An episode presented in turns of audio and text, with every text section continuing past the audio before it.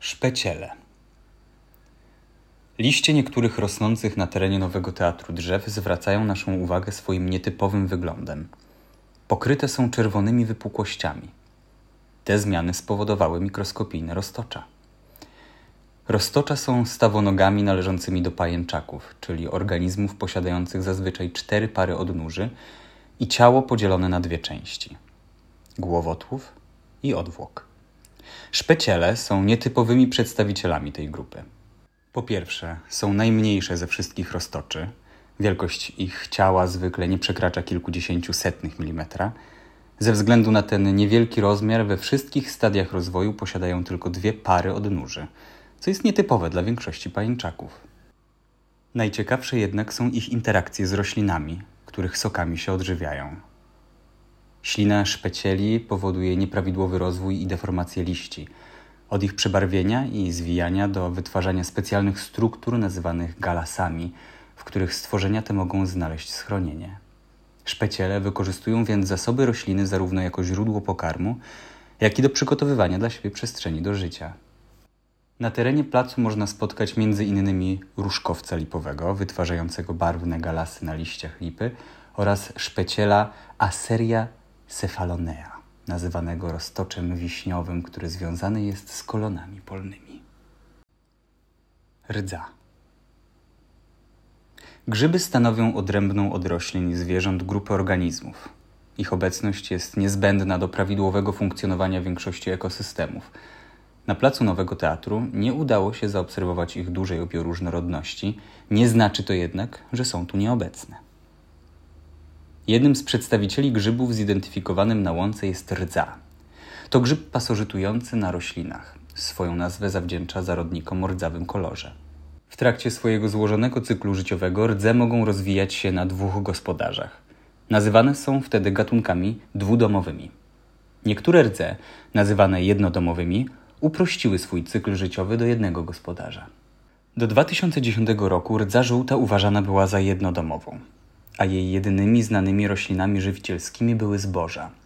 Dopiero przypadkowo w pobliżu plantacji pszenicy porażonej przez te rdze odkryto berberysy, na których dostrzeżono typowe dla rdzy struktury produkujące zarodniki. Dzięki dalszym badaniom udało się potwierdzić, że były to różne stadia tego samego gatunku rdzy. Rdze mogą produkować wiele różnych zarodników pełniących rozmaite funkcje, np. rozprzestrzenianie się czy zarażanie nowego gospodarza. Jeszcze inne o wytrzymałych, grubych ścianach są w stanie przetrwać zimę i rozpocząć cykl życia na nowo. Zmieniający się klimat i pogłębiające się susze mogą narazić uprawy zbóż na masowe porażenia przez rdze. Z tego powodu uważane są one za jedne z najgroźniejszych patogenów roślin. Ich obecność na zróżnicowanej gatunkowo miejskiej łące nie stanowi jednak dla niej zagrożenia. Porosty. Badacz porostów, Trevor Goward, Określa je jako grzyby, które odkryły rolnictwo. Jak opisuje ten lichenolog, grzyby wychodzą w taką interakcję z glonami jak człowiek z roślinami uprawnymi. Korzystają z nich do produkcji potrzebnych sobie związków organicznych. Są to jednak dużo bardziej złożone systemy zależności, składające się często z wielu gatunków mikroorganizmów. Ich najstarsze ślady zachowały się w skałach sprzed ponad pół miliarda lat, dużo wcześniej niż pojawiły się na lądzie pierwsze rośliny naczyniowe. Istnieją hipotezy, że dewońskie skamieniałości mające cechy żyjących dzisiaj grzybów, ale mierzące do 8 metrów wysokości, mogły być grzybami lichenizującymi. W tamtym czasie nie wyewoluowały jeszcze drzewa, porosty te stanowiły więc dominujący element ekosystemów lądowych. W tamtym czasie nie wyewoluowały jeszcze drzewa, porosty te stanowiły wtedy dominujący element ekosystemów lądowych. W skład dzisiejszych porostów wchodzą grzyby strzępkowe, drożdże i często kilka organizmów fotosyntezujących, najczęściej jednokomórkowych zielenic lub cyjanobakterii. Można je więc postrzegać jako sprawnie działające mikroekosystemy, w których grzyby strzępkowe zapewniają wodę i minerały, glony dostarczają otrzymane za sprawą fotosyntezy związki organiczne, a drożdże wytwarzają kwasy porostowe, mające często właściwości obronne. Niektóre sinice potrafią zaś wychwytywać z powietrza azot, który jest kluczowym składnikiem budującym wszystkie organizmy żywe. Główną cechą porostów umożliwiającą im życie w ekstremalnych warunkach jest ich zdolność do przetrwania w warunkach suszy. Przechodzą wówczas w stan uśpienia, a po ponownym pojawieniu się wody wznawiają swoje czynności życiowe. Zdolność ta umożliwia im kolonizowanie nieprzyjaznych zakątków naszej planety, takich jak obszary podbiegunowe, wysokie partie gór czy betonowe pustynie. Na terenie nowego teatru udało się spotkać porosty z rodziny obrostowatych i z rodzaju złotorost, porastające pnie drzew. Wstężyk gajowy. W zaroślach wokół Nowego Teatru można napotkać roślinnożernego ślimaka, wstężyka gajowego, żywiącego się głównie glonami i obumarłymi tkankami roślin. Ślimaki są mięczakami, czyli najliczniejszymi zaraz po stawonogach typem zwierząt. Musza tego ślimaka może przyjmować bardzo różne odmiany barwne, od żółtych przez różowe po ciemnobrązowe, z paskami o rozmaitych kolorach i grubościach. Dla tego gatunku opisano kilkadziesiąt form barwnych. Od innych wstężyków występujących w Polsce wstężyka gajowego odróżnić można po ciemnej wardze otaczającej otwór muszli. Cechą wstężyków umożliwiającą im przetrwanie w niekorzystnych warunkach, takich jak niedobór wody czy zbyt wysokie temperatury, jest wciąganie swojego ciała do środka muszli i otaczanie jej otworu błonką zabezpieczającą przed wyschnięciem. Między innymi dzięki temu dobrze sobie radzą w środowisku silnie przekształconym przez człowieka. Wstężyki bywają zjadane przez drozdy – Małe osobniki są przez ptaki połykane w całości, natomiast te większe rozbijane o twarde podłoże i wyjadane ze skorupki. Czasami w lesie można się natknąć na miejsce żerowania drozdów. Jego znakiem rozpoznawczym są pozostawione puste skorupki wstężyków. Mszyce i ich gatunki symbiotyczne. Na większości roślin na terenie Nowego Teatru bytują mszyce – Owady te odżywiają się sokiem wyssanym z rośliny, który jest bogaty w cukry, natomiast stężenie białek i aminokwasów potrzebnych mszycom jest w nim za niskie. W związku z tym część soku po wchłonięciu białek jest przez mszycę wydalana. Te słodkie odchody nazywane są spadzią, stanowią one pożywienie dla wielu organizmów. Jeżeli przez chwilę przyjrzymy się mszycom, dostrzeżemy między nimi czarne mrówki. To hurtnice pospolite – których naturalnym siedliskiem są nasłonecznione i otwarte przestrzenie. Dlatego mrówki te tak dobrze radzą sobie w mieście. Zbierają one od mszyc nadmiar soku roślinnego, będący ich głównym pokarmem. W zamian chronią mszyce przed drapieżnikami, przenosząc je na nowe rośliny, a nawet udostępniają im w zimie swoje gniazda. Na niezebranych przez mrówki opadłych na liście kroplach spadzi mogą z kolei rozwijać się grzyby sadzakowe. Ten symbiotyczny układ mrówek i mszyc jest wykorzystywany przez wiele drapieżników, z których najczęściej spotykanym na terenie Nowego Teatru jest biedronka azjatycka. Biedronki, zarówno w postaci larwalnej, jak i dorosłej, potrafią zjadać do kilkudziesięciu mszyc dziennie. Dorosłe biedronki bronią się przed mrówkami, przywierając do powierzchni liścia w taki sposób, że mrówki nie są w stanie ich złapać żuwaczkami. W okresach niedoboru mszyc biedronki azjatyckie pożywiają się innymi stawonogami, ich jajami, pyłkiem kwiatowym i nektarem, nadgryzają też dojrzałe owoce. Są w Polsce gatunkiem obcym, szybko rozprzestrzeniającym się, uznawanym za inwazyjny. Masowe pojawiania się tych biedronek mogą zagrażać rodzimym gatunkom stawonogów. Namiotniki Gałęzie rosnących na terenie Nowego Teatru głogów i trzmielin pokryte są delikatnym obszędem przypominającym sieci pajęcze. Nie jest to jednak wytwór pająków, lecz owadów, które ze względu na kształt wykonywanych przez siebie konstrukcji nazywane są namiotnikami. Podobnie jak wiele owadów, wykorzystują one oprzęt do tkania kokonu, w którym chronią się w czasie przepoczwarzania. Larwy namiotników występują w koloniach liczących wiele osobników. Żerują na liściach roślin żywicielskich – Mechanizmem mającym chronić przed drapieżnikami jest synchroniczne poruszanie się wszystkich osobników w kolonii. Może to sprawiać wrażenie poruszania się całej gałęzi i z dużym prawdopodobieństwem odstraszyć niezdeterminowanego drapieżnika. Dorosłe namiotniki są aktywne nocą. Niektóre potrafią w trakcie lotu emitować serię charakterystycznych kliknięć. Wydawane przez nie dźwięki są rozpoznawane przez nietoperze jako organizmy zawierające szkodliwe substancje, dzięki czemu unikają zjedzenia. Rośliny starają się bronić przed zgryzaniem przez larwy namiotników, produkując trujące dla nich substancje, co prowadzi do ewolucji specyficznych gatunków namiotników radzących sobie z mechanizmami obronnymi poszczególnych gatunków roślin. Na terenie Nowego Teatru na liściach głogu żeruje namiotnik owocowiaczek, a na liściach trzmieliny namiotnik trzmieliniaczek. Omomiłek Na łące rosnącej na terenie Nowego Teatru, na nasłonecznionych pędach roślin, spotkać można chrząszcza o sympatycznej nazwie omomiłka. Do tej pory udało się opisać ponad 400 tysięcy gatunków chrząszczy, co czyni je najliczniejszym pod tym względem rzędem wśród wszystkich zwierząt. Chrząszcze charakteryzują się przekształceniem jednej pary skrzydeł w twarde okrywy, które osłaniają ich ciała. To owady przechodzące przeobrażenie zupełne. Ten niezwykły proces rozpoczyna się, kiedy larwa zgromadzi wystarczająco dużo zapasów i znajdzie odpowiednie miejsce. Wtedy dochodzi do całkowitego rozpuszczenia ciała larwy i zorganizowania go w inny sposób, charakterystyczny dla postaci dorosłej. Jedynie najważniejsze, kontrolujące te przemiany narządy przebudowują się stopniowo. Do przeobrażenia zupełnego, poza chrząszczami, zdolne są innymi błonkówki, motyle czy muchówki. Dorosłe omomiłki są aktywne w dzień i odżywiają się mszycami i innymi małymi owadami. Natomiast ich larwy żyją na powierzchni ziemi, gdzie szukają larw owadów i małych ślimaków, które mogłyby zjeść.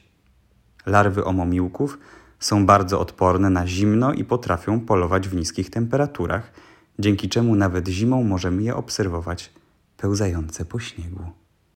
Pszczoły. W słoneczny dzień nad łąką posianą na terenie Nowego Teatru uwijają się liczni zapylacze. To głównie przedstawiciele błonkoskrzydłych, ale są wśród nich też muchówki i motyle. Możemy ich podzielić na dwie kategorie: dzikich zapylaczy i hodowane przez ludzi pszczoły.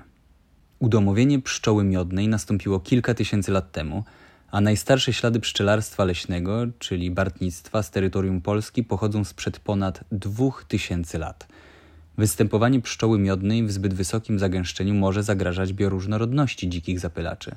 Skutecznie konkurują z nimi o pokarm i roznoszą zagrażające im choroby. W grupie błonoskrzydłych kilkukrotnie wyewoluowało życie społeczne. Może ono przypierać bardzo różne formy. Od wspólnego budowania gniazd, przez niektóre osy i pszczoły, po tworzenie społeczeństw złożonych z osobników wykonujących wyspecjalizowane zadania, np. w gniazdach mrówek czy pszczoły miodnej. Poza owadami społecznymi, takimi jak pszczoła miodna i trzmiele kamienniki, na łące można spotkać pszczoły samotne, wychowujące swoje potomstwo w pojedynkę, przykład murarki czy parobnice. Wypatrujcie również murarki lacernowej, która gniazduje w martwym drewnie, suchych łodygach roślin i opuszczonych gniazdach innych samotnych pszczół. Hotele dla owadów ustawione na łące Nowego Teatru zrobione są innymi z pociętych fragmentów trzciny, która może być zasiedlona przez murarkę. Budowę swojego gniazda rozpoczyna od napełnienia komory zebranym przez siebie pyłkiem, następnie składa przy nim jajo i zamurowuje je mieszaniną z podgryzionych liści i śliny. Proces ten powtarza kilkukrotnie. Z jaj wylęgną się larwy, które będą odżywiać się pyłkiem, aż osiągną odpowiednią wielkość do przepoczwarzenia, po którym opuszczą swoje komórki. Wrona siwa. Ptasi sąsiedzi są ważnymi członkami międzygatunkowej wspólnoty Nowego Teatru. Na rogu ulic Madalińskiego i Sandomierskiej, niedaleko głównego wejścia do teatru, prawie zawsze można spotkać stado gołębi miejskich zbierających się wokół pojemnika z wodą. W letnie popołudnia na placu nad głowami śmigają żerujące jeżyki, a nad łąką kręcą się wróble. Bohaterkami placu są również wrony siwe, co roku wychowujące młode w okolicy. Podlot wrony siwej jako swoje mieszkanie upodobał sobie zarośla jaśminowców, leszczyny, trzmieliny i klonów jesionolistnych w zachodnim krańcu terenu teatru za świetlicą. W nocy można spotkać młodą wronę śpiącą z opuszczoną głową na jednej z ławek przy ogrodzeniu. Wrony są znane ze swej niesamowitej inteligencji. Pewnie część z nas miała okazję zaobserwować, jak ptaki te używają narzędzi. Orientują się w sygnalizacji świetlnej i czekają na odpowiedni moment, by upuścić orzech włoski tak, aby koła przejeżdżających samochodów rozgniotły go i udostępniły zawartość skorupki. Wrony nie przechodzą, co prawda, testu lustra, świadczącego o zdolności rozpoznania siebie w odbiciu lustrzanym, zdały go jednak sroki, również należące do rodziny krukowatych. Sroki, a także kawki to kolejni sąsiedzi spotykani na co dzień w okolicy placu. Wronę od gawrona z łatwością odróżnimy po szarym brzuchu i grzbiecie, który nie występuje u całkowicie czarnego gawrona. Łąka. Największe bogactwo organizmów w obrębie placu znajdziemy na przyteatralnej łące. Kolejne etapy w cyklu rozwojowym tych kilkudziesięciu gatunków roślin i bezkręgowców, takie jak kwitnienie, przepoczwarzanie się, wydawanie owoców, zdobywanie pokarmu, można by porównać do trwającego bez przerwy spektaklu, w którym kolejni aktorzy i aktorki wychodzą na scenę o różnych porach dnia i roku.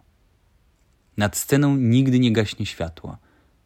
Niezbyt fortunne umieszczenie lampy po prawej stronie ogrodzenia powoduje, że łąka jest oświetlona również w nocy, co może zakłócać funkcjonowanie nocnych aktorów. Na łące spotkamy rośliny zasiane w tym miejscu celowo w mieszance nasion łąkowych oraz te, które wykiełkowały spontanicznie.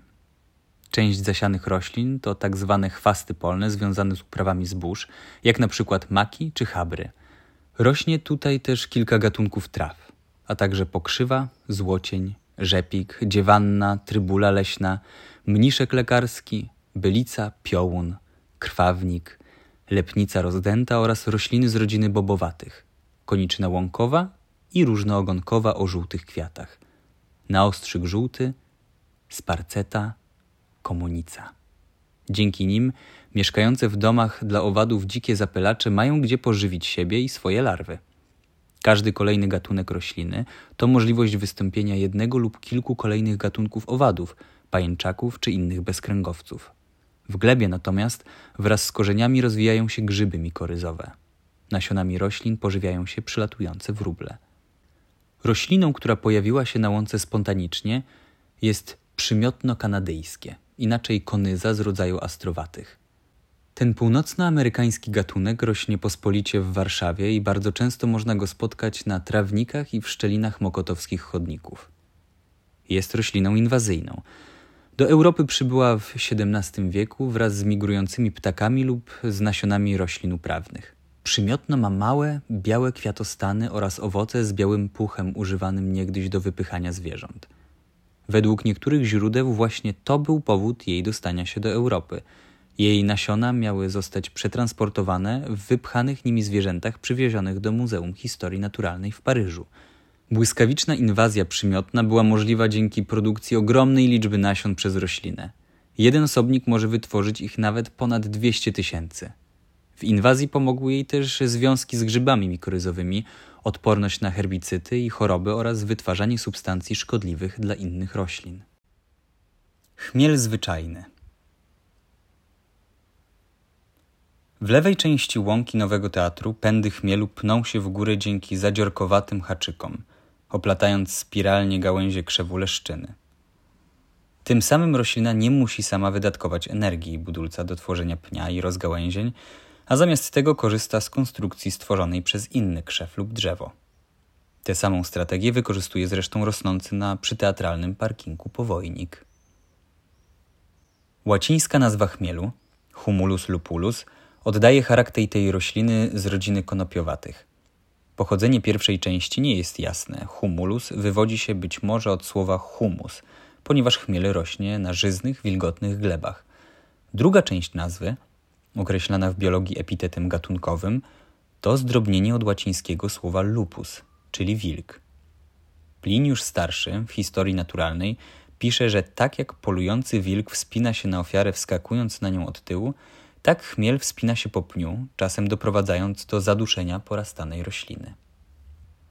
Naturalny zasięg jego występowania obejmuje półkulę północną, zarówno Europę, Azję, jak i Amerykę Północną.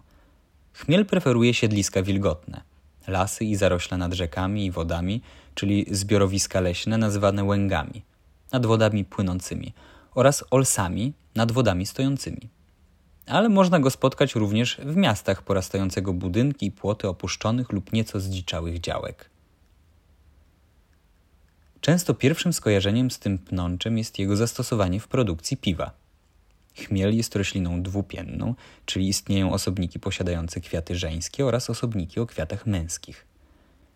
To właśnie kwiaty żeńskie, nazywane szyszkami chmielowymi, są od wieków używane do nadania piwu aromatu, zapewnienia goryczki, stabilizacji piany oraz zabezpieczenia przed zepsuciem.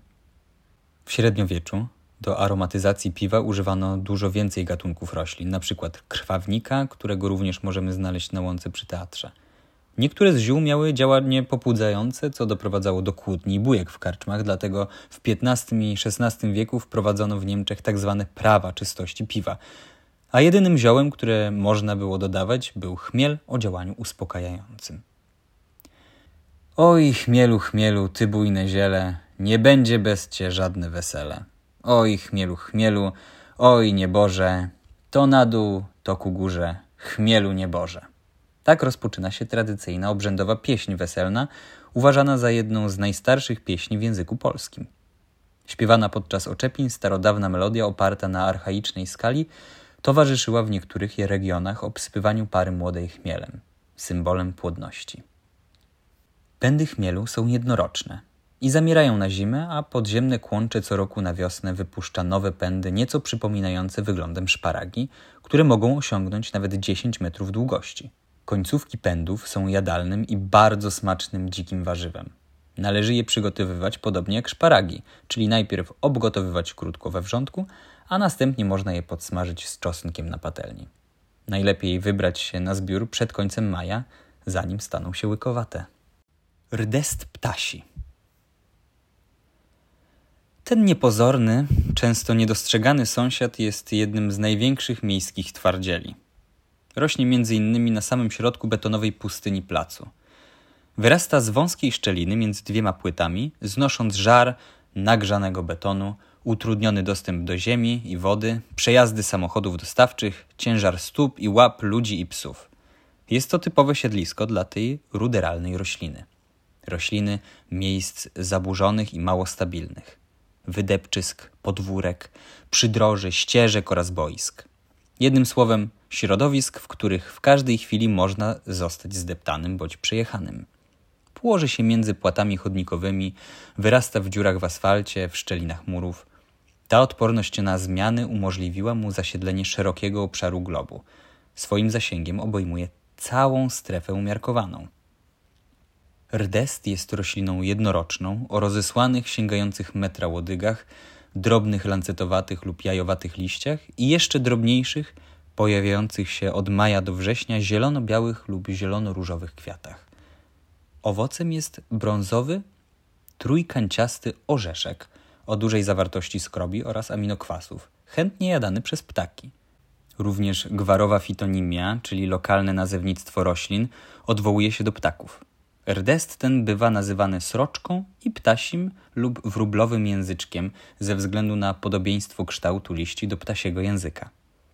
Najczęściej jednak mówiono na niego sporyż, ponieważ sporo rośnie. Nasiona rdestu były zbierane w czasach prehistorycznych przez rdzennych Amerykanów, w średniowieczu w Polsce mielono je na mąkę. Ziele to, posiadające moc właściwości leczniczych, było używane w medycynie tradycyjnej na choroby układu oddechowego, skóry, do gojenia ran. Jest składnikiem tradycyjnej sałatki w Korei Południowej. Na terenie Iranu stosowano jako lek na astmę, zapalenie oskrzeli czy przeciw gorączce. Właściwości te i wiele innych zawdzięcza wysokiej zawartości naturalnych antyoksydantów. Poza rdestem ptasim na placu można znaleźć jeszcze dwie rośliny, którym udało się wyrosnąć w części zdominowanej przez beton: babkę zwyczajną oraz krwawnik pospolity. Bez czarny. Krzaki bzu czarnego, rosnące wraz z lipami, klonami i gługami, spotkamy przy płocie teatralnego parkingu. Charakterystyczny, lekko cytrynowy, nieco duszący zapach jego kwiatów najsilniej można poczuć już w ciepłe majowe czy wczesnoczerwcowe wieczory. W ekosystemach miejskich, w których występuje zjawisko miejskiej wyspy ciepła, cykl wegetacyjny roślin jest przyspieszony. Kwitną około tygodnia wcześniej niż te rosnące poza obszarem zabudowy miejskiej. Bezczarny to krzew lub niewielkie drzewo o złożonych liściach, zaopatrzonych w buławkowate nektarniki wabiące mrówki. Na jego pędach możemy zaobserwować mszyce ssące sok oraz hodujące je mrówki. Baldachimowate kwiatostany i czarnofioletowe lśniące owoce wielu z nas zna i pija w postaci pysznych letnich syropów i lemoniad. Dzięki temu, że na kwiatach bzu żyją drożdże, które potrafią przeprowadzać fermentację, możemy przyrządzić z nich bzowy szampan. Owoce bzu są także przysmakiem kilkudziesięciu gatunków ptaków, innymi kosów. Dzięki temu ptaki biorą udział w rozsiewaniu nasion, które po przejściu przez ich układ pokarmowy łatwiej kiełkują. Warto wiedzieć, że ze względu na zawartość glikozydów cyjanogennych bez posiada właściwości trujące, ale w procesie gotowania można je łatwo usunąć. Jak to często bywa z roślinami trującymi, jest jednocześnie znaną rośliną leczniczą. Kwiatów używa się na przeziębienie, choroby dróg oddechowych i jako środek napotny, a owoce posiadają dodatkowo działanie lekko przeciwbólowe i przeczyszczające. Krzew ten, jako roślina z pogranicza światów, nie będąca ani drzewem, ani rośliną zielną, miał w kulturze silne konotacje magiczne i był kojarzony ze sferą zaświatów. Wedle wierzeń ludowych pod krzakiem bzu mieszkał zły duch, na nim też miał powiesić się Judasz. W związku z tym nie należy go wykopywać ani wycinać, by nie narazić się na nieszczęście, chorobę, a nawet śmierć. Jesion. Od strony ulicy Melsztyńskiej, za murem Nowego Teatru, rośnie jedno z najwyższych w okolicy drzew majestatyczny jesion. Gdy wejdziemy na murek i przyjrzymy się bliżej jego korze, zaobserwujemy glony, mszaki, porosty, których wygląd zupełnie się zmienia w zależności od pogody. Mech szurpek, porastający pień od strony ściany w suche upalne dni, wygląda dość niemrawo, ale gdy tylko spadnie deszcz i nabierze trochę wilgoci, odzyskuje wigor i głębie zieleni. Konglomerat szurpkowy przetykany jest szaroniebieskimi strzępkami porostów z rodzaju soreniec, a od wschodu bruzdy kory pokrywa porost o zgniło-zielonej barwie i mączkowatej strukturze. Patrząc na jedno drzewo, obserwujemy tak naprawdę całą sieć międzygatunkowych relacji organizmów, które skorzystały z mikrośrodowisk stworzonych przez organizm drzewa. Jest to najprawdopodobniej jesion pensylwański, gatunek obcy dla polskiej flory. Żeby być w 100% pewnym, należałoby się wspiąć i sprawdzić jego pąki. Czarne wskazują na rodzimy jesion wyniosły, a brązowe na amerykańskiego pochodzenia jesion pensylwański. Kolejną cechą odróżniającą te dwa gatunki jest liczba listków w liściu. Jesion wyniosły posiada ich więcej, a także kształt listków. U wyniosłego są nieco bardziej wydłużone i ostrzej zakończone. Pensylwański jesion przebarwia się jesienią na żółto, a wyniosły zazwyczaj gubi jeszcze zielone liście.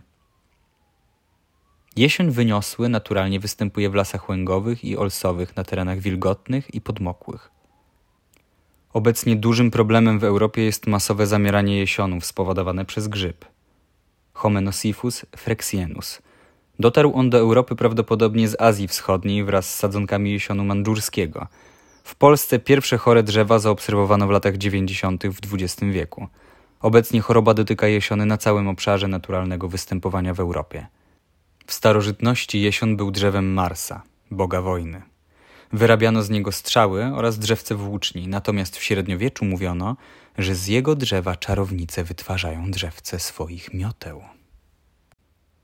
Glistnik jaskółcze ziele Przy barze letnia, wśród brunery o zdobnych liściach ze srebrzystym rysunkiem i żywo-zielonych kęp chrzanu, rośnie glistnik jaskółcze ziele. Ciemnozielone miękkie liście przypominające chmurki, żółte drobne kwiaty i podłużne owoce to znaki rozpoznawcze tej rośliny, preferującej siedliska bogate w azot. Prawdopodobnie wyrósł tu przyniesiony przez mrówkę. Nasiona glistnika posiadają wyspecjalizowane wyrostki nazywane elaisomami lub ciałkami mrówczymi, kuszące mrówki zawartością tłuszczów, a także białka i skrobi.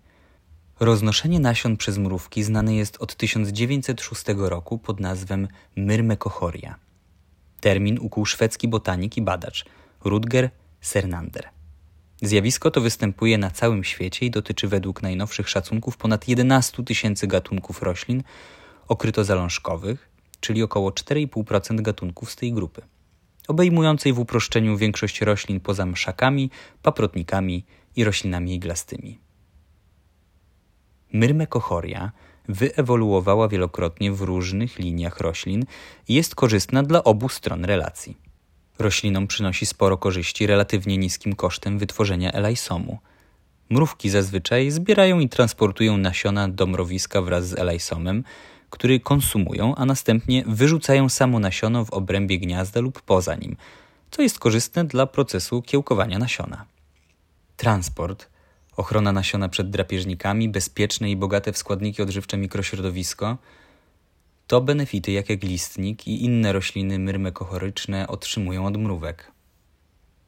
Kiedy złamiemy łodyżkę glistnika, zobaczymy wypływający intensywnie żółty sok. Stosowany był kiedyś na kurzajki. Z kolei nazwa glistnik pochodzi od faktu, że roślina była używana do leczenia chorób pasożytniczych u dzieci. Ciekawa jest również łacińska nazwa tego ziela. Helidonium pochodzi od greckiego słowa helidon, oznaczającego jaskółkę. Jaskółcze ziele nosi taką nazwę, ponieważ wyrasta na wiosnę, kiedy jaskółki wracają z zimowisk, a gaśnie jesienią, gdy odlatują. Wierzono również, że samica jaskółki przemywa sokiem helidonium oczy swoich piskląt, aby te, jeszcze małe i ślepe, uzyskały wzrok.